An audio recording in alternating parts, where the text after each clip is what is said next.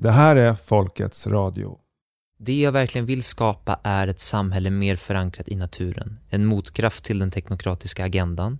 Där vi lever närmare naturen och förstår att det är det mest vackra som finns och att vi ska bli mer självförsörjande, odla mat, leva mer hälsosamt och så vill jag leva i alla fall. Jag kan inte säga vad andra ska, men jag vill leva så. Filip Sjöström var en av ledarna för Frihetsrörelsen.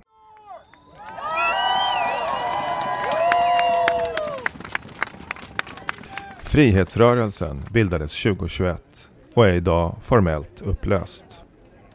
Jag bevakade rörelsens tre stora manifestationer som hölls i Stockholm våren 2021. Och ganska snart infann sig frågor om huruvida rörelsen var något annat än den utgav sig för att vara.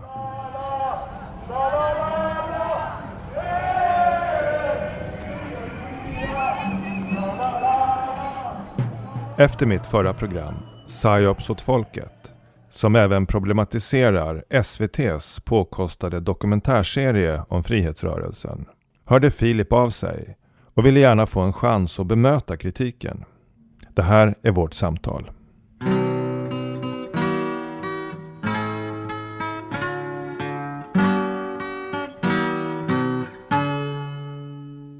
Ja, vi kan väl börja med, du får väl säga for the record vem du är och hur du titulerar dig nu för tiden. Ja, jag heter Filip Sjöström och jag vet inte riktigt vad jag ska titulera mig som, men jag skulle nog säga att jag eh, är en, eh, jag vet inte, en kraft för förändring i samhället just nu på de ställen där det behövs. Bakgrunden till det här då, det var ju, jag gjorde ju ett program som har väckt mycket turbulens och jag, jag sökte dig inför programmet. Jag, vi hade inte ditt aktuella nummer. Och sen ringde du och, och du kände dig ganska besviken på det här programmet och, och, och sådär. Vi kom överens om att vi skulle göra den här intervjun. Så jag, jag vill bara börja med att säga verkligen att jag, jag, uppskattar verkligen att du, att du sitter här och tar dig tid för det här samtalet. Och att, eh, jag tycker det är stor respekt för det. Mm. Mm. Ja men tack, och jag har stor respekt för din journalistik och kände bara att nej, men jag vill sträcka ut en hand och se om vi kan mötas och prata öppenhjärtligt och reda ut eh, saker och inte sitta på varsitt håll. För att jag ser att det sker på många ställen just nu att man kritiserar varandra men det är få som verkligen söker de här djupa samtalen. Och jag tänkte så här att vi, vi kan röra oss, vi, vi, kommer till den här eh, SVT-filmen, men, men om vi rör oss lite kronologiskt framåt så kan jag ta upp några av de saker som jag har haft funderingar kring och jag vet också många andra. Och så kan du helt enkelt få rätta ut de här frågetecknen. Uh, jag tänkte bara om man skulle börja med, det har gått lite troll i det här begreppet kontrollerad opposition. Folk, folk klistrar det som ketchup på, på allt och alla. Jag tänkte bara om vi skulle börja med, så att vi har ungefär någon sorts samförstånd, vad, vad man menar när man ens, an, vad, om vi börjar med dig, vad, vad betyder det begreppet för dig? Ja, jag tror ju att de flesta tänker på att det är någon som är köpt av stat eller myndigheter, CIA, alltså det finns ju många exempel på folk som har varit betalda, alltså nästan som att man blir en spion som är inne för att förstöra, samla information, för att det finns en, en agenda liksom. Men jag tror att längs vägen så har jag, jag, jag har aldrig känt att fan, det där är inte jag rädd för, utan jag har nog bildat min egen uppfattning om att alla människor har en agenda hela tiden och det gäller bara att man måste mötas och känna in, men är den här personen ärlig och öppen och transparent med vad den vill, vem den är och vart de är på väg i livet.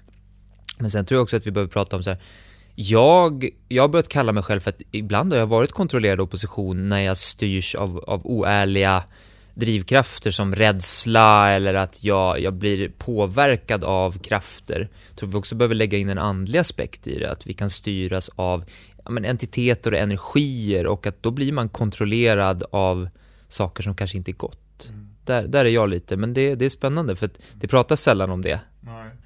Ja, det är intressant. Jag, jag, jag har nog tänkt på det från början när jag, liksom det här begreppet dök upp då, att man pratade om frihetsrörelserna. Då tänkte jag på det som något ganska lite exotiskt. Aha, infiltration av, av, en, av en någonting. Men jag har nog mer börjat tänka på det som att det är ungefär så makt fungerar liksom generellt. Att när man, eh, och det tar jag också upp i mitt senaste program, eh, jag har ju flera gånger citerat den här Upton Sinclair, en amerikansk författare, som sa att Republikanerna och Demokraterna, det är två vingar av samma rovfågel.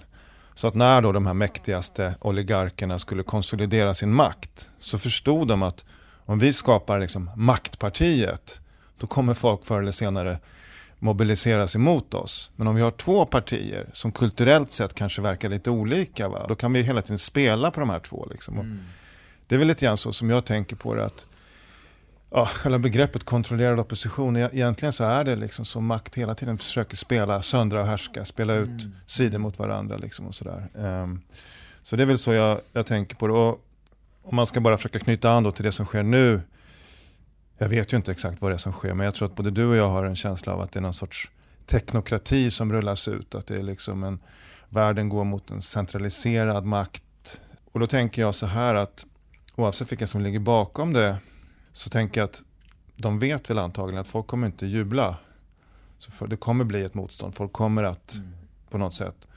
Och jag vet inte, jag tänker ju så här att de kommer inte bara sitta och rulla tummarna och vänta på att folk mobiliserar sig och sen till slut gör någon revolt, utan de kommer säkert försöka starta sina egna rörelser och liksom kontrollera det så gott de kan. Jag vet inte, vad, vad tänker du om det?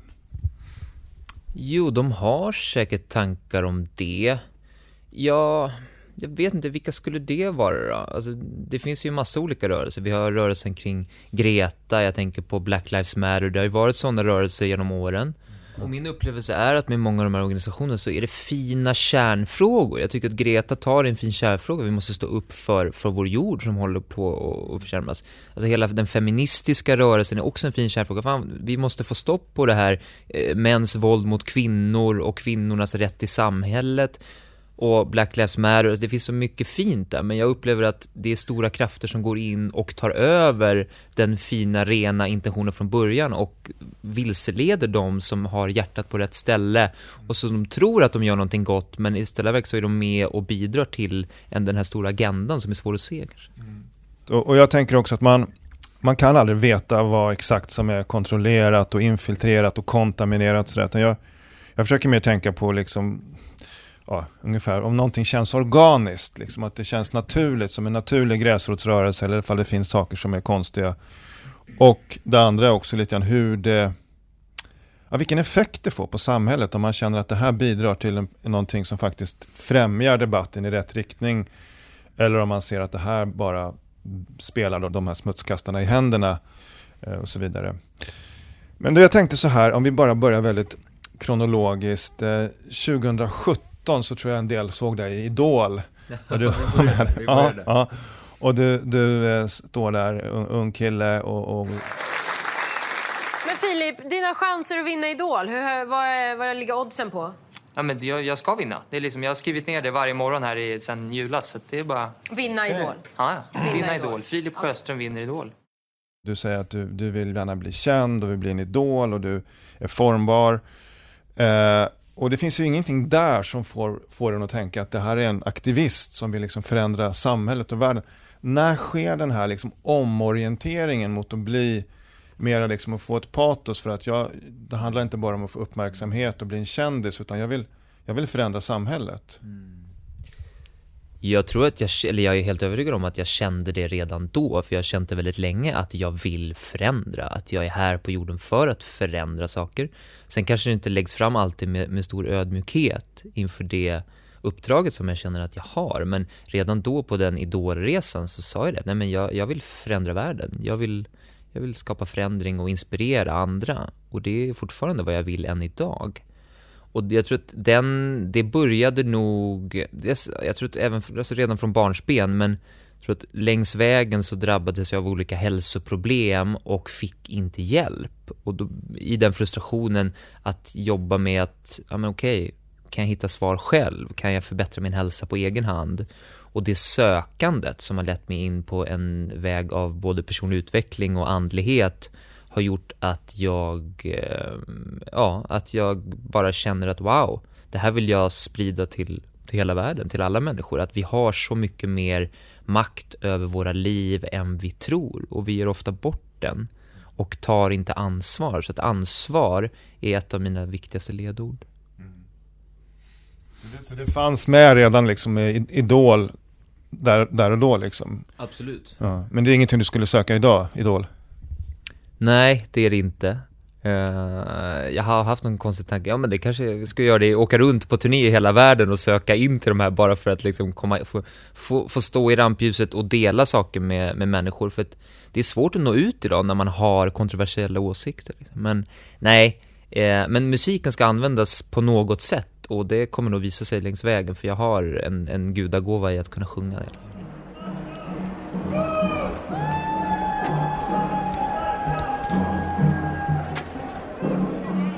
Jag började ju bevaka de här protesterna mot coronapolitiken och restriktionerna ganska tidigt. Jag gick på de här olika mötena och sådär under 2020. Det var framförallt i Stockholm då, på olika ställen. Eh, när började du gå på de här protestmötena? Om jag minns rätt så var det ju hösten 2020 som det började bubbla i takt med att restriktionerna blev väldigt kraftfulla och man begränsade friheten på helt nya sätt.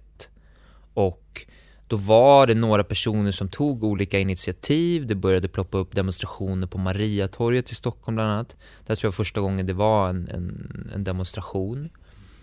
Uh, jag tror att det var så. Och sen så var det ju uh, Mannika Helleberg kom jag i kontakt med då och hon hade ju varit på demonstrationer då i, i både London och i Berlin tror jag.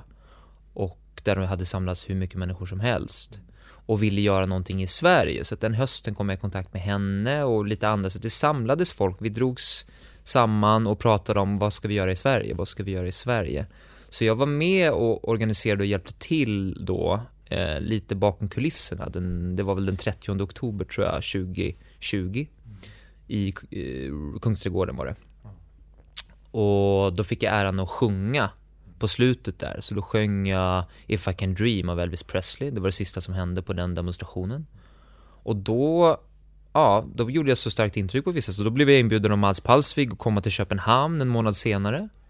Uh, så att jag och Max och, och, en kvinna åkte ner dit i bil till Köpenhamn, jag tror att det var i slutet av november, början av december någonting. Och då var vi med på den demonstrationen där de gick med, med facklor och det liksom dan, danskarna har en, eh, de gick, de gick runt med kastruller och slog och de marscherade ju runt parlamentshuset där varje, varje dag och natt i flera veckor för att där var det ännu tuffare än i Sverige. Och det där inspirerade mig och Max till att men vi, vi måste göra någonting i Sverige som är ordentligt, som är organiserat och som där det faktiskt, vi samlar mycket människor och får en impact och, och når ut och, och får uppmärksamhet. Och så bestämde vi oss, nej men vi ska göra en stor demonstration och så bestämde vi oss för att göra tusenmannamarschen. Mm. Eh, e, en sån sak då, som en del har tyckt var underlig då, jag bara liksom rapporterar sånt som jag får till mig då. När, och det var ju även, eh, som jag nämnde då i mitt förra program, att de som var då de här gräsrötterna som organiserade Mynttorget till exempel. Jag minns ju också att du, du var där i Kungsträdgården den 30 oktober. Men flera har ju sagt liksom att de hade aldrig sett Filip Sjöström förrän plötsligt var ett datum i, i, december då du dök upp där på Guldbro nära Gamla stan med en megafon. Liksom. Så du dök upp från ingenstans plötsligt och tog på dig liksom en ledarroll. Eh, och del tyckte då att det kändes lite, så här, lite suspekt att den här killen han är ju inte liksom någon sån här gräsrot som har varit med, som vi har hängt med, utan han bara dyker upp här med en megafon plötsligt. Ja men exakt, just det, för det var ju det, jag och Max gjorde en, det var egentligen två andra personer som drog ihop de här Mariatorget demonstrationerna. Sen ville de inte göra det längre, så jag och Max, nej men vi gör en grej på, eh, på, eh, vad heter det, på Medborgarplatsen. Och där ställde jag mig med megafon och så gjorde vi en, en marsch till Kungsträdgården. Så det här var liksom någon slags genrep och aldrig någonsin tror jag polisen har lagt så mycket polisresurser per capita.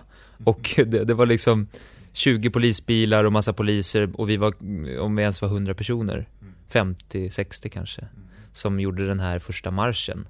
Och det var då, ja men det, fint att säga, det har jag glömt bort, men då, då kom jag, Max och jag kände bara, men vi blev ju totalt överkörda och våldtagna av Polismyndigheten. Om vi ska lyckas göra det här så måste vi vara fler. Och det var då vi tog beslutet, ja. Men vem var jag att ställa mig där med megafon? Jag, jag bara kände att det var rätt. Vem, vem, det var ingen annan som gjorde det. Och så har det varit hela tiden. Jag ser inte någon som visar mod och visar vägen och bara gör det som behöver göras i min mening. Och jag hade gärna sett att det var andra som gjorde det, men jag bara, nej men det är väl meningen att jag ska göra det. Uh, och megafonen, var kom den ifrån? Hade ni bara med, med den eller? Ja, men jag, ja den, den hade väl använts vid de andra små Mariatorget demonstrationerna och samlingarna så att den, den fanns i, i det nätverket som vi hade kommit in i då. Ehm, ja, jag bara ställer frågan. Så att- det var liksom inte någon som hade gett dig något uppdrag att du ska leda det här. Kan du ta den här viktiga rollen? Utan du, det Nej. kom inifrån. Det var, det var verkligen självpåtaget, absolut, absolut. Nej, det är ingen som har gett mig det uppdraget, eh, nej. Eh, fast forward då till eh, slutet av februari 2021, första gången vi träffas på en, vad ska vi kalla det för, en workshop hemma hos ex-polisen Conny Andersson i Sigtuna, där ni laddar då inför den här första frihetsmarschen och, och försöker göra olika övningar, hur man ska kunna hantera bemötande med polis på ett fredligt sätt och så vidare. Det är första gången jag får intervjua dig. En sak som jag tyckte var konstig då, jag, jag lyssnade på den här intervjun igår eh, igen. Eh, det här var liksom då, kan man säga, ungefär två månader efter då att du hade tagit den här megafonen på Guldbron. Liksom. Du tar dina första stapplande steg kan man säga som en gräsrotsorganisatör. Och redan där och då så pratar du liksom om en säkerhetsstyrka och den har ett utländskt namn, Freedom Defense. Alltså på något sätt så känns det som en kan du förstå att det känns som en väldigt konstig tågordning och börja med det? Ja, jag kan förstå det. Jag tror att både jag och Max var väldigt färgade av, för att vi under lång, lång tid, alltså eh, sen vi träffades egentligen, eh, ett och ett halvt år innan det här, så hade vi haft mycket tankar om att vi behöver göra ett stort arbete med männen, med den maskulina energin. Och det är det som saknas i den här världen och att den är under attack med hälsa och med liksom hela den feministiska rörelsen på frammarsch, skuldbeläggandet av män och att det har tryckt ner en viktig aspekt i samhället som ska stå upp och förhindra att orättvisor sker och att det blir, eh, ja, det som vi såg var egentligen en brist på det. Så att vi har hela tiden från hjärtat verkligen känt att vi vill samla män och göra det. Uh, så att där tror jag, alltså under den här hösten så tog idéerna fart och vi hade börjat ha middagar för män, samlingar med män, kampsport med män och så vidare. För att vi ansåg verkligen att det var viktigt.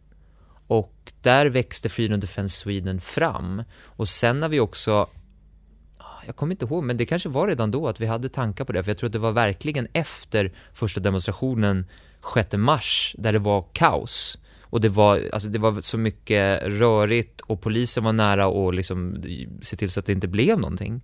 Som vi kände att vi behöver vara mer organiserade så att vi kan se till så att de här demonstrationerna går att genomföra. Jag, jag minns bara när jag hörde det här, jag, jag hade intervjuat dig och tyckte du sa många bra saker. Och så kommer det här upp, vi ska ha en säkerhet ungefär som en egen milis. Jag liksom, minns att jag tänkte in i vårt, åh nej, liksom, för jag, jag har jobbat väldigt länge inom mainstream. Jag vet ju precis hur man försöker framställa saker och ting. Va? Här har man precis det man vill ha. Man vill kunna framställa det här som någonting hotfullt. Och så ska ni leverera det innan ni ens har liksom fått något riktigt momentum så ska det finnas någon, någon milis. Va? Och jag bara tänkte att det där känns väldigt kontraproduktivt. Ja. Ja, och jag respekterar den känslan, men min känsla var att det här är viktigt. Sen kanske vi gjorde dumma misstag som vi har lärt oss av, men jag är fortfarande inne på att det här arbetet behövs med att, att skapa starka, hälsosamma, frihetssökande män som, som vet vad som är rätt och riktigt och har hjärtat på rätt plats. Och det är det jag tycker är så fint att, eh, vi kommer ju dit, men den här dokumentären, att, att någonstans så skildrades det ju verkligen nu att de här männen som vi samlar gör mycket inre arbete och strävar efter att bli goda män. Det är inte bara våld, utan det är liksom att, att beskydda någonting och inte söka våld utan att liksom göra det som är rätt. Det, det är någonting ärorikt och vackert. Nej, men det, det tror jag att alla skulle hålla med om. Och att mm, kanske manligheten i vårt samhälle har mycket att jobba med. Absolut. Eh, det är väl snarare så att, att eh, alltså polisen har ju ett våldsmonopol i vårt samhälle. Och det som var uppenbart för mig då när jag stod där på Medborgarplatsen först. Jag tänkte oj, det är typ 30 piketbussar. Det blir ingen manifestation. Och sen vips så kom det en lastbil och fick komma fram i alla fall. Och det där har du kanske hört att jag har tagit upp i programmen då. Jag tycker polisen ger en väldigt konstig förklaring. De säger att de åkte in en bakväg och sådär. Det kan man se på filmer att det stämmer inte. Oj vad jag vill uttala mig om det. Ja, Ja, eh, och, och då blir det ganska uppenbart för mig i alla fall att om polisen vill stoppa en manifestation, då spelar det ingen roll om ni har 10 eller 20 muskulösa män. För att de kan, de kan stoppa 500 fotbollshuliganer om det behövs. De har den, de kan kalla på förstärkning. Eh, så jag tror att det viktiga i ett sånt här läge det är att försöka nå ut till människor i stugorna och visa att vi är inte galna, vi är inte extrema, vi har inga konstiga annorlunda uppfattningar än vad ni vill utan vi ifrågasätter det här narrativet och vi har goda grunder. Här är våra grunder. Så fort man dyker upp med de här liksom, och ger media de här fototillfällena så underminerar man en del av, av den rörelse tror jag som, som man, vill, eh, man vill skapa. Mm. Ja fast jag, det, för mig är det helt naturligt. Och någonstans, jag försöker bara vara sann i mitt uttryck och det som jag vill. Och vi, vi andra, Max också, och vi som arrangerade det. Nej men vi står för det här och vi tror att det behövs. Det är helt naturligt att man som man känner ett kall att stå upp för vad som är rätt. Liksom. Så att även om man ger dem utrymme att fota och få sina liksom, kopplingar till att det är galna, det, det är män och det är tredje världskrig, alla de här sakerna som de har tryckt på nu, Expo och alla andra i, i två års tid jag ger dem gärna det, för att jag tror att det som väcker människor är när de läser det, sen träffar de mig, de träffar männen, de tar del av det här, tittar på dokumentären nu, så blir det en så konstig distinktion och de förstår att ah, det här är närmare sanningen än vad media vinklar. Så jag tror vi är inne i en tid nu där sanningen är vägen. Det går inte, alltså, det går inte att vara rädd för vad media ska göra och säga. Vad vill vi ha? Vi vill ha frihet!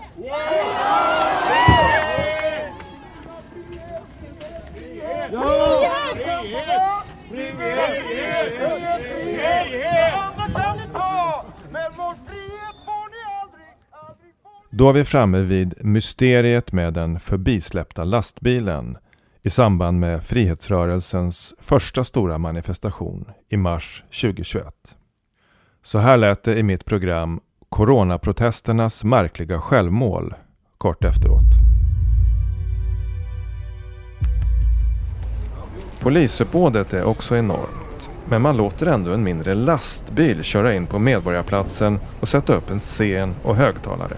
Så här sa Stockholmspolisens talesperson i Folkets Radio efteråt. Det var ju faktiskt att man hade ju uppmärksammat den här lastbilen då eh, som man visade då skulle bli en scen och hade gjort eh, försök att stoppa den och köra in på, på Medborgarplatsen. Eh, och, eh, men de, de tog någon bakväg som inte... Så att vi... Eh, de smet in bakvägen då på något sätt. Eh, Bakvägen? Och, ja, de backade upp dem på någon, via någon gränd och via någon, via någon tunnel. Ja, vad, vad var det som hände där då på, på Medborgarplatsen? Det, med den här lastbilen som kom, kom in, smet in bakvägen Ja, förbi ja, alla exakt. poliser. Exakt, exakt. Nej men, vad ska jag säga? Det var ett mirakel, så att jag förstår att det verkade osannolikt och jag ska försöka dra lite resonemang kring vad jag tror hände. Men vi- vi hade ju liksom, vi hade, jag och Max hade varit där och rekat tillsammans med några andra som var med och arrangerade. Och vi hade bestämt en plats där vi skulle ställa den här lastbilen som jag hade hyrt på OK, eller planerat att hyra. Jag hyrde den på, på kvällen innan. Uh, och vi skulle rigga upp ljudanläggning och vi skulle ha elverk och vi hade lite folk som skulle hjälpa till. Så att vi hade en grov plan och vi hade egentligen ingen riktigt bra reservplan. Och vi visste inte riktigt vad som väntade, så att det, var, det var väldigt ovisst. Vi visste inte hur mycket poliser som skulle komma. Men vi hade hyrt eh, en del av restaurang Pelikan där på Södern, inte jättelångt från Medborgarplatsen. Eh, hela den förmiddagen, morgonen. Och sen hade vi folk som bodde på hotellet mitt emot Medborgarplatsen som vi hade gett i uppgift att hålla koll på och ge liksom rapporter på hur mycket poliser som var på plats. Så vi fick ju regelbundna rapporter de sista två timmarna innan med hur mycket poliser det var. Och det blev ju bara fler och fler piketbussar.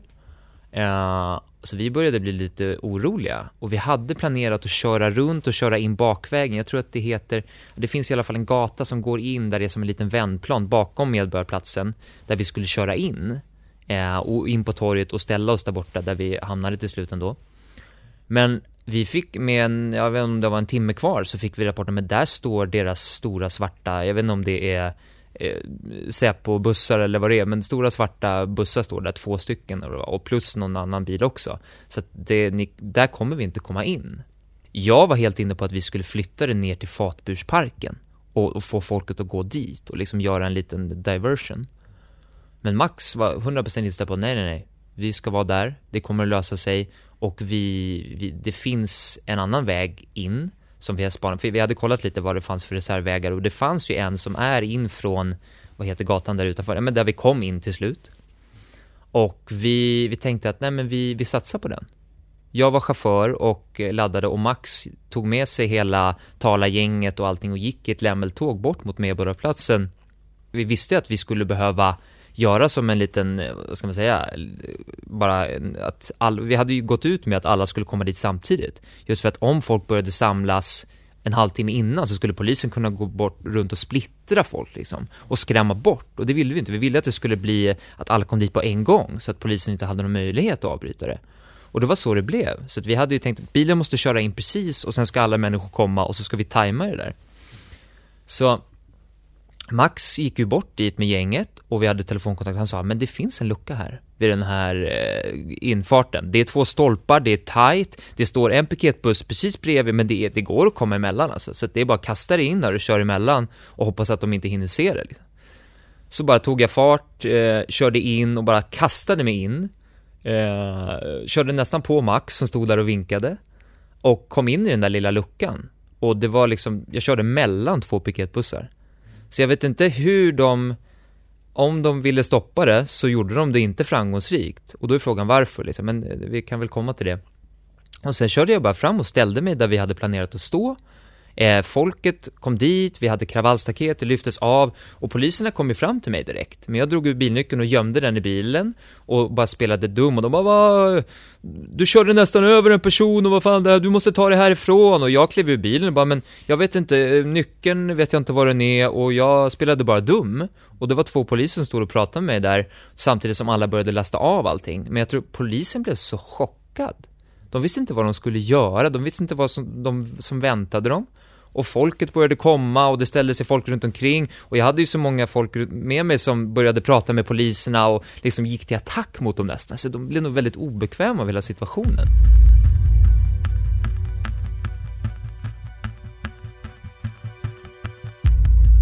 Stockholmspolisens talesperson, när jag intervjuade honom efter manifestationen, gav en annan version än den jag nu får av Filip. Men de, men de, de en, tog en annan väg då, via tunneln.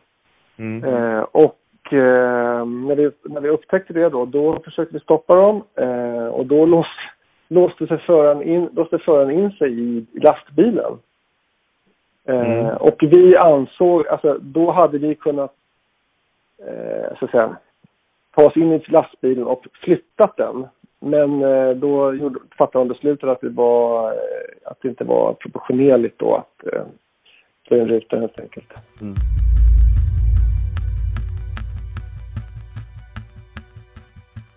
Uh, och det var också intressant att du säger att du stängde av och så gick du ut.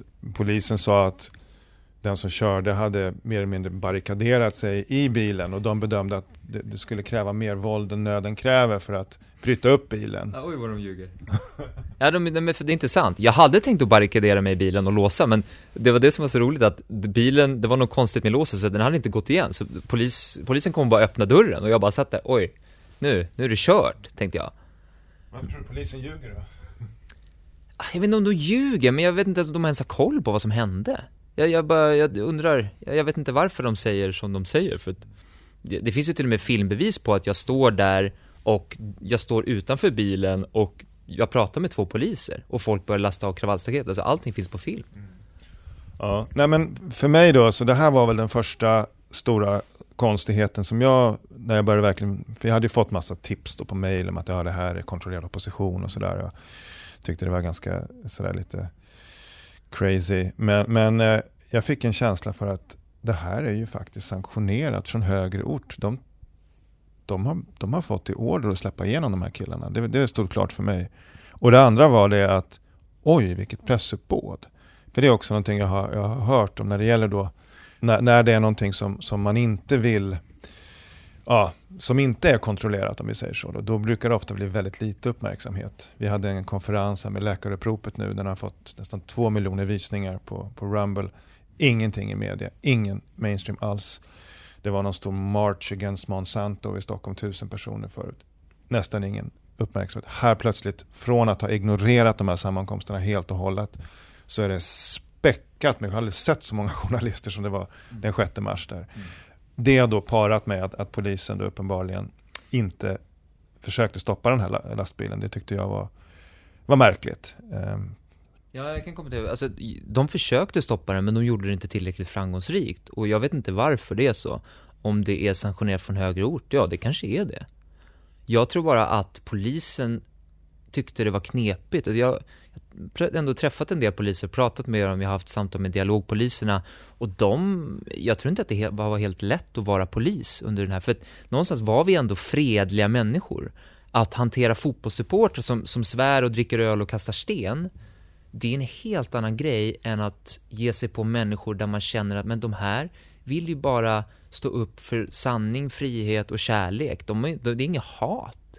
Vi, vi står inte för något hatiskt budskap. Nej, och, och, och det, det, där kommer vi tillbaka lite då till min fråga innan om de här med freedom defense. Att om man vill kommunicera att man är fredlig, för det håller jag verkligen med om, det är ju den bästa strategin. Liksom. Mm. Det går ju tillbaka till Gandhi icke-vålds, eh, då är det inte det kanske optimala strategin att ha några muskelknuttar med svarta t-shirts med knutna nävar som ser ut liksom precis som liksom det är Expos våta dröm att få plåta sådana. Förstår du? Ja, ja, och det där kan jag uttala mig om också, för att de där t-shirtarna fanns ju inte 6 mars, utan det var ju till första maj som vi hade t-shirtar och det var mer organiserat så. Och, så att jag tror att där är väl, där börjar vi göra det första misstaget. Att liksom gå ut med det och jag vet att det var någon artikel i Bulletin där, där Max och grabbarna släppte in någon reporter där och gjorde ett fint reportage liksom med bilder på de här tröjorna och allting. Och med facit i hand, jag släppte det där väldigt fritt till Max. Att det var hans bebis där han skulle skapa liksom strukturer och riktlinjer och och de här, den här loggan också. Jag brydde mig som inte så mycket om det och det var väl naivt och dumt av mig, för jag borde väl ha förstått att nej men fan, vi måste ha ett helt annat budskap. Men ska jag vara ärlig och säga så var i den här perioden, det var svårt att navigera. Vem är jag? Vad vill jag? Vad är rätt? Vad är fel? Motstånd? Kärlek? Gandhi? Eller vad, jag, alltså, jag var förvirrad, det var mycket energier i rörelse så att, ja, men med facit i hand jag tror att det hade blivit bättre om vi hade samlat män med en, en mjukare. Med en duva?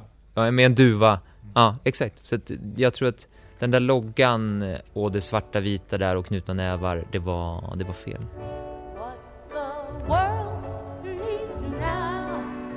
is love, only thing that there's just too little of. What the world needs now is love, sweet love. No, not just for some, but for everyone. Det var den första då, 6 mars.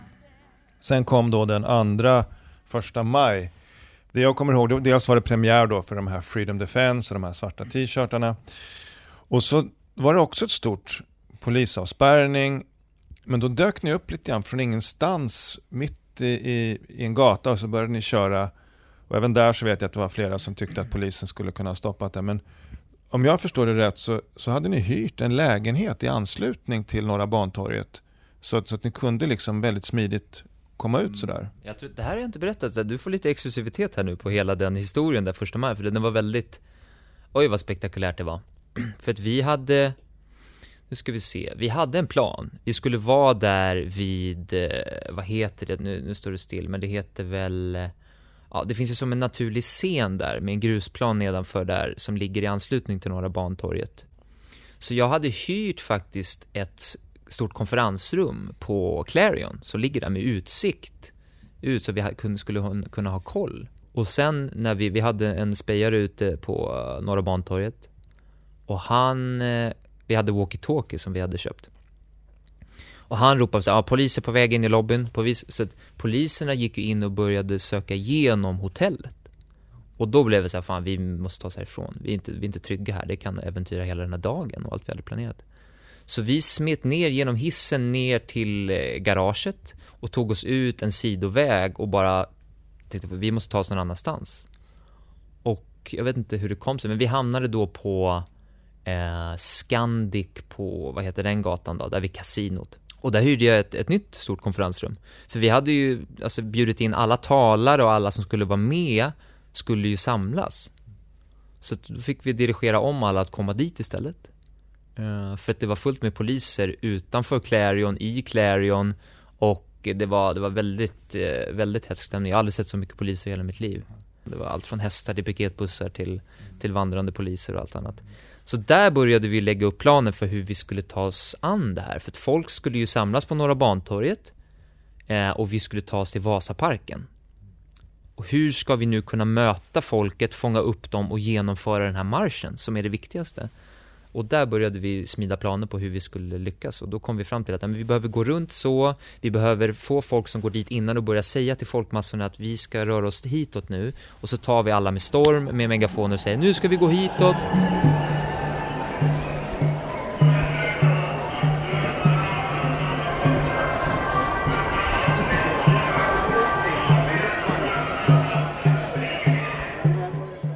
inför den första maj tror jag det var, så hade du och Max ett, ett videosamtal.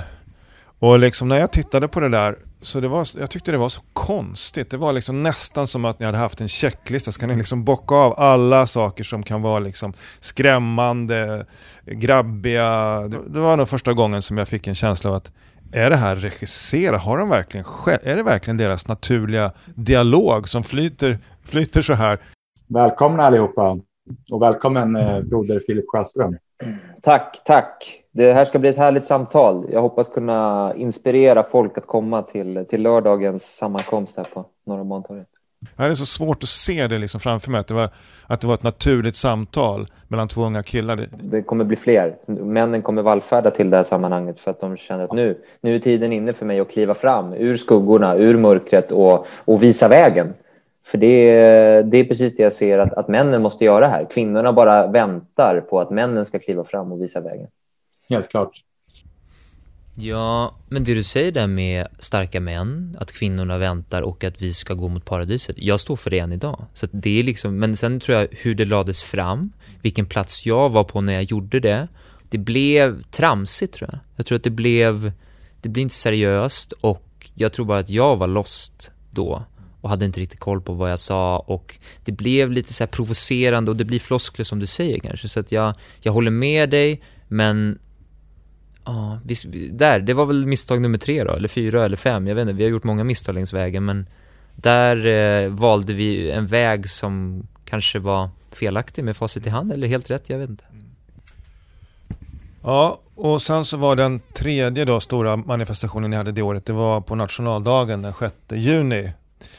Eh, där var väl första gången som det började komma, man började haka upp sig på vissa symboler som ni använde, mm. att det var upp och nervänt kors och det var det här ögat, att det var mm. frimurarkopplingar och sånt där. Från liksom, i de egna leden började det dyka upp. Ja, det, det där är, där kom nog det stora misstaget nummer två. Och det var att vi släppte en flyer där det fanns två förbjudna symboler på. Och jag kan inte förklara hur det kom sig. Jag kan bara redogöra för hur processen såg ut och hur det men det måste ha varit att vi blev infiltrerade från, från högre ort, alltså från, från något andligt, något demoniskt, jag vet inte vad. Men jag ser det inte som en slump att de där symbolerna smög sig in.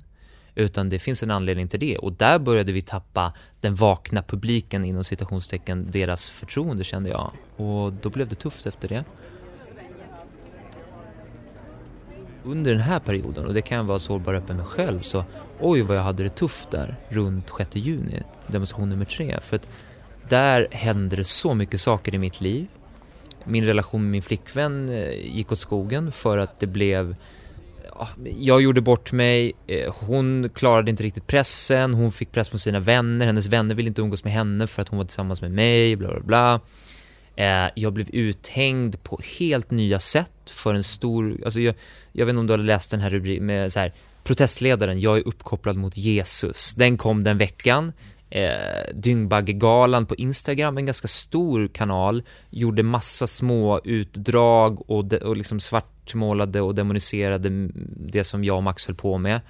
Och det där kom åt mig på ett sätt som gjorde att jag blev så arg och ledsen och visste inte vad jag skulle ta mig till. Så att jag, jag tror att där gick jag in i en ny, mer krigisk fas som jag tror var viktig för mig och min utveckling. Jag rakade av mig håret, hittade en annan energi, det var nationaldagen, jag pratade om tredje världskriget, eh, det var mer, vi hade fått med oss en massa fotbolls, gamla fotbollshuliganer.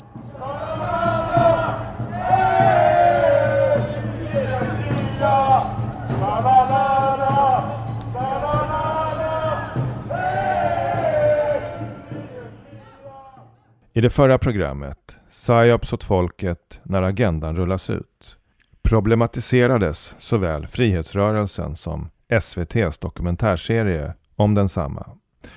Här är ett utdrag.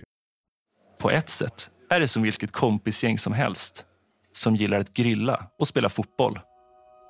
Men organiseringen och allt prat om en frihetsarmé känns obehaglig. Som om gränsen för vad som är ett rimligt motstånd blivit grumlig. Egentligen så, bara liksom för, för, att sätta in det i sin kontext, så en annan stor SVT-produktion som jag blev enormt besviken på eh, och som jag tyckte var suspekt ärligt talat. Det var den som kallades för Vaccinkrigarna, kommer du ihåg den? Mm. Och jag tyckte tajmingen var konstig. Att man har en produktion som tar ett och ett halvt år minst. Och göra att man jobbar på det sättet liksom med att ljuga om sin identitet för en liksom en kvinna som inte är någon speciellt farlig person och man hela tiden försöker få in henne på de här liksom väldigt minerade områdena som jag pratar om förintelsen och så. Va? Sen rullas det här ut precis inför massvaccineringen i Sverige och landar liksom och egentligen dödar den debatten för det blir så många som tänker att men herregud, de här antivaxers då som man kallar folk för, de är ju inte kloka. De är ju, eh, så jag minns att jag, jag kände liksom herregud, ska, ska våra pengar går till sån här propaganda? Vad, vad, vad tänkte du när den dokumentären kom? Ja, jag, jag håller med dig om att den ger det intrycket. Så att eh, en hemsk produktion där man verkligen har gått in för att förstöra en människas liv och provocera fram uttalanden som man kan använda emot henne. Det, jag vet inte vem som har varit beställare, om det är SVT som har legat bakom det eller om det är ett produktionsbolag som i det här fallet med rörelsen, men oavsett Ah, riktigt sånt ska verkligen inte SVT hålla på med som är finansierat av skattepengar. Men du kan se också att den användes just för att man, alltså om man tänker sig att det var en medveten propagandaprodukt, att den fungerade väldigt mycket som ett propagandavapen också. Den kunde liksom användas för att demonisera de som ifrågasatte vaccinets säkerhet på goda grunder, vet vi idag. Så att liksom den, det var inte bara den här Linda Karlström heter hon va, som blev uthängd och, och, och misshandlad, utan det var liksom även, det fick väldigt negativa konsekvenser för det svenska samhället. Absolut, det blir ju så. Alltså det är den, den kopplingen man vill göra. Mm. Eh, och det, det är en, en tråkig koppling. Mm. Och, och det var väl liksom det som jag tror många eh, har tyckt även då om rörelsen, att, att den eh, eh också då används på ett, på ett liknande sätt för att liksom demonisera oliktänkande, demonisera det man kallar för konspirationsteoretiker och, och så vidare. Att den liksom eh, Ja, att den, att den liksom in, oavsett vad, vad, ehm, vad dina intentioner med den var, att den som en färdig produkt så är den inte någonting gott för, för samhällsdebatten. Mm.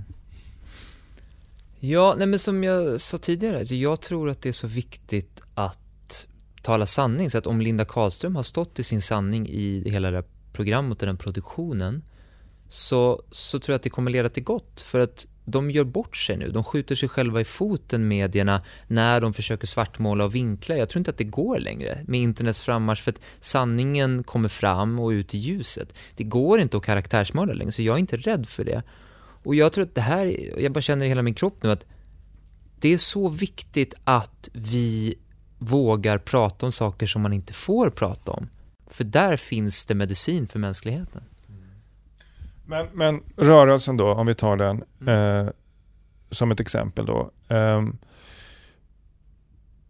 menar du då att det var det som var liksom vinsten med den, att ni, ni fick säga saker som annars inte får sägas i SVT? Eller vad, vad, vad ser du som liksom var, på vilket sätt gagnar den här eh, dokumentären liksom eh, ett frihetligt samhällsklimat? Ja, jag tror jag har funderat igenom så här, och det, det har känts rätt hela vägen och jag, det brukar alltid börja med att jag, jag följer min intuition och sen så befäster jag det med, med tankar och gör min analys. Ah, okej, okay, men det var nog därför det här skulle ske då. Men som jag ser det, jag tror att nettoeffekten av rörelsen i SVT Play är god för mänskligheten. Det är klart att det, det, finns en massa saker som inte är optimala. Jag och Max hade velat lägga upp det på ett helt annat sätt om vi verkligen skulle göra propaganda och marknadsföring för våra teser. Men det kommer ju aldrig släppas in i SVT. Så att jag känner såhär, okej, okay, jag är genuin i den här filmen. Ingenting som jag har sagt eller gjort eh, kan jag inte stå för, för det står jag för.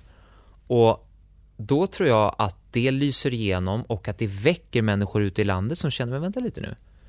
Han har ju målats upp som, som värsta konstiga killen som, som, eh, ja, som är högerextrem och han är det och han är det och han är det. Och så ser de och känner och upplever att men det verkar inte stämma. Han verkar ju vara god. Han pratar om naturen. Han är ute och går barfota i skogen och han gör det och han flyttar dit och oj, vad är det här? Och då blir de förvirrade och då är de villiga att ompröva sin, sin syn på det. Och jag har redan fått en massa fina meddelanden från folk som, eh, en jättefint meddelande från en sjuksköterska på Danderyds sjukhus som skrev så här, ja, när pandemin kom och du gjorde dina demonstrationer så tyckte jag att du måste vara psykiskt sjuk och det måste vara något fel på dig och jag dömde det väldigt snabbt. Men nu när jag har sett rörelsen, speciellt del två, så ser jag att du verkar vara en väldigt god man som vill väl och som bryr dig om din familj och om världen. Och jag är ledsen för att jag dömde dig så hårt och jag hoppas att du mår bra och att, eh, att du eh, fortsätter att göra din grej. Du pratade förut om, om man ska ha knytnäven eller duvan. Var det lite för mycket knytnävar även i den här dokumentären kanske? Det är för lite duvor? Nej, ja, var det så mycket knytnävar? Jag tyckte det var allting bakades ihop till en ganska andlig, flummig i ordet jag använder, massa där det seriösa inte blev så seriöst. Det är klart att det är lite knytnävar, men det är också män som delar saker i cirklar och pratar om saker. Det är ju inte liksom eh, någon, eh, visst vi slår på varandra och boxas och hit och dit och, eh, men nej, jag tycker inte det var så mycket knytnävar. Du pratar om att det kanske behövs en väpnad revolution och att vi gör vad vi vill, vi står liksom utanför lagen och det var, det var en del sådana här uttalanden som mm. man kan tolka som hotfulla. Mm. Ja men och det där var ju i min mer krigiska fas där i, under försommaren och sommaren 2021. Och då var jag ju i de tankarna, för det var lite den upplevelsen vi hade haft. Och när jag får de frågorna så, jag tror att jag bara spekulerade fritt, jag vet inte om det är klokt att säga så, men det var så, det var min sanning just då. Att jag vet inte var det här kommer ta vägen. Det kanske är så att vi, det blir hårt mot hårt. Både jag och Max och alla andra, vi var nog inne på att, ja men vi, om det krävs så kommer vi stå upp för vad som är rätt. Och blir vi attackerade så måste vi försvara oss. Och det, vi kommer inte attackera någon. Vi, vi vill ha ett kärleksfullt budskap, men om vad fan, om det kommer folk som vill tvångsvaccinera oss och, och slår in våra dörrar och, och då måste vi för fan försvara det. Det är ju en mänsklig rättighet. Men om ni ska hålla en fredlig manifestation, måste ni ha folk med knytnävar där då, mus stora muskler? Om vi vill ha en fredlig manifestation och det kommer poliser och militärer och säger att vi inte får det, då tycker jag vi har all rätt i världen att stå upp och säga det får vi visst. Det är en mänsklig rättighet att få samlas. Det kan ni säga, men, men ni, kan, ni kan ju ändå inte fysiskt försvara er mot polisen och militären. Det blir ju nästan som en sorts, ja det blir ett väldigt fint fototillfälle framförallt för de som vill demonisera er. Det blir det. Och jag tror, någonstans, jag tror att, ja, det där, är, det där är svåra moraliska frågor. Vad är bäst approach i det fallet, om man blir attackerad? Är det att gå Gandhis väg? Non-violence-principen? Är det att bara stå i kärlek och älska de som attackerar dig? Eller ska du faktiskt göra motstånd fysiskt? Oj, vilka svåra frågor. Jag har nog inte svaren än idag. Du, nu har jag suttit här och, och, och tagit upp kritik. Du, du, får, du får du skjuta tillbaka lite. Du sa att du blev besviken på, på Folkets Radio där när du lyssnade Mm. på det senaste programmet. Vad var det som du blev, tyckte var tråkigt?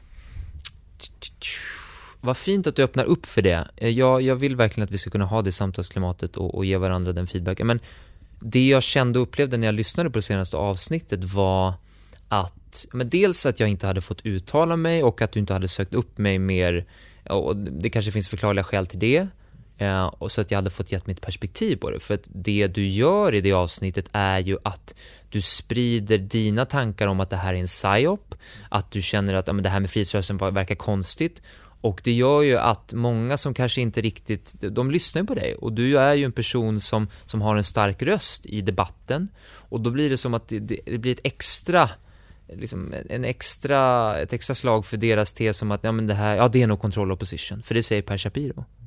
Uh, du har helt eh, liksom rätt i att det finns massa oklarheter och att det är självmål och det är misstag och hit och dit. Och jag tyckte det var tråkigt att jag inte fick bemöta det. Och jag vill verkligen också säga att jag, det är feedback till dig. Jag tycker att du spär på det samtalsklimat som jag inte tycker att vi ska ha i det avsnittet. Med att du, du sprider lite misstänksamhet i det. Och det gillar jag inte. Ja, eh, tack för det. Jag, det, jag kan säkert ha, ha uttryckt mig annorlunda. Um, vad, jag, vad jag blev ledsen när jag såg den här dokumentären, för jag, jag har ju träffat så många människor under de här åren som har farit så illa. Människor som har trott på det här vaccinet och tagit sprutorna och som blivit sjuka och sen inte blivit tagna på allvar i sjukvården. Jag har träffat så många sjuksköterskor och vårdpersonal som försöker bryta igenom tystnadskulturen i vården va? och som går runt med en klump i magen och som får höra att de är foliehattar och sådär. Och flera av dem har liksom hört av sig till mig efter det här och sagt liksom att nu är, det liksom, nu är det värre än någonsin. Folk skickar länken till den här dokumentären och säger det är ju så här ni är. Ni är ju inte kloka. Och jag kunde någonstans, när jag såg den här dokumentären så kunde jag se att det är precis så här den kommer att användas. Exakt på samma sätt som vaccinkrigarna för att demonisera människor som redan har det tufft och som har en väldigt legitim kritik. Och de människorna är inte det minsta extrema. Mm. Ja, jag förstår det perspektivet. Och jag tror, men jag kan inte veta säkert, men kan det vara så att det behöver bli värre innan det blir bättre? Kan det vara så att det behöver bli en ännu större splittring för att vi som mänsklighet kanske ska vakna upp och förstå, vänta lite, vad fan håller vi på med? Kan, är det inte så att vi bara ska kanske komma närmare varandra? Ska vi inte, faktiskt, ska inte söka upp några av de här och försöka förstå, är de helt galna egentligen? Eller vad vill de? Jag tror att det är det jag vill slå ett slag för och jag har verkligen bestämt mig på djupet nu att jag vill närma mig mina meningsmotståndare och söka förståelse och liksom att man börjar respektera varandra. För jag tror inte vi står så långt ifrån varandra egentligen. Eh, och att jag tror att det är många ute i systemet som är totalt förvirrade. Och eh, ja, jag, jag ser många sådana exempel nu och jag, jag, nu just nu pågår någon slags stor kollektiv läkning. Så att jag, ja, jag, jag förstår det men jag tror att det kanske är nödvändigt, tyvärr. För att vi ska växa.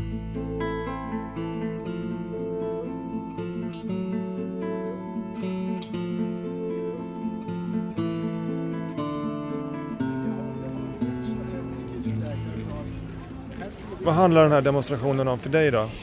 Yttrandefrihet. Mest. Att, och protest mot den här över, över, översitteriet som, som svenska medborgare blir drabbade av. Jag, jag sprang ju runt som reporter där på de här tre manifestationerna och tog väldigt många röster från folk och sådär.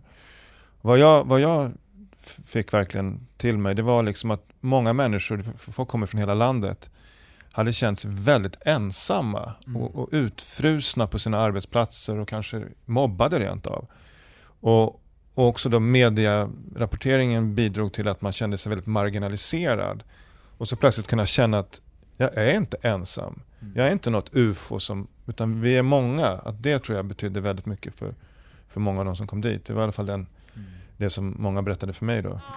Det är verkligen ja, en kraftfull energi att när alla får samlas på det här sättet. Från att vara utspridda över, över hela, hela landet till att samlas så här många människor och bara känna den här kraften, samhörigheten och ja, viljan till frihet. Är det här början på någonting större? Ja, det tror jag absolut. Det här är bara starten.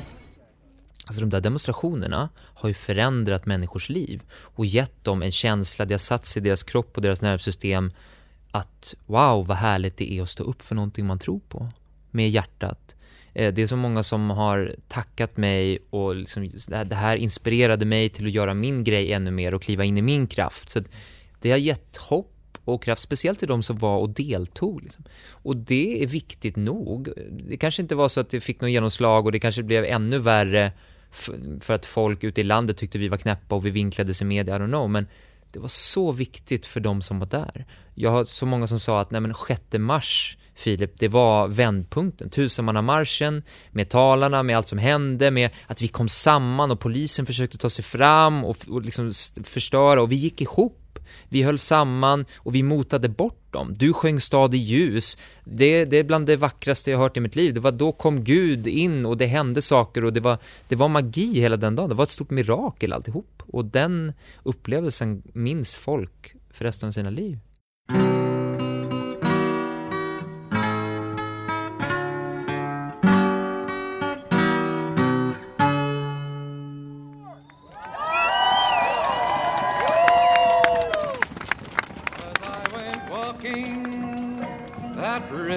Highway. I saw above me that endless skyway. I saw below me that golden valley. This land was made for you and me. This land is yours. Det, det är ju en kärlekshyllning till den fantastiska naturen. Och så har Mikael Wiehe då översatt den, så han sjunger om Kebnekaise och Ale stenar och sådär. Eh, kan du komma ihåg någon, någon rad eller ska vi försöka ta, ta fram den eller? Ja men eh, vi kan, vi, ja, men det är klart att jag ska ge det ett försök. Ja. Så får vi se hur bra det Ja. blir. Ni får ha överseende hemma i, i stugorna. Men eh, om jag tar fram texten så Ja. kan jag nog eh, sjunga några rader, ska vi se här. Vad heter den? Mitt land? Nej. Det här är ditt land tror jag. Det här är det. Det här är ditt land. Ah. Det här är mitt land. Från Alestena Ah, norra Lappland. Bohusklippor till Gotlands raukar mm, Landet det tillhör dig och mig. Här Mörka skogar och röda stugor med vita björkar och höga furor med fält och åkrar och varva gruvor. Landet det tillhör dig och mig. Det här är ditt land, det här är mitt land. Från Ale stenar till norra Lappland. Från Bohusklippor till Gotlands raukar. Ja, landet det tillhör dig och mig. Filip Sjöström, stort tack för att du var med i Folkets Radio. Tack Per.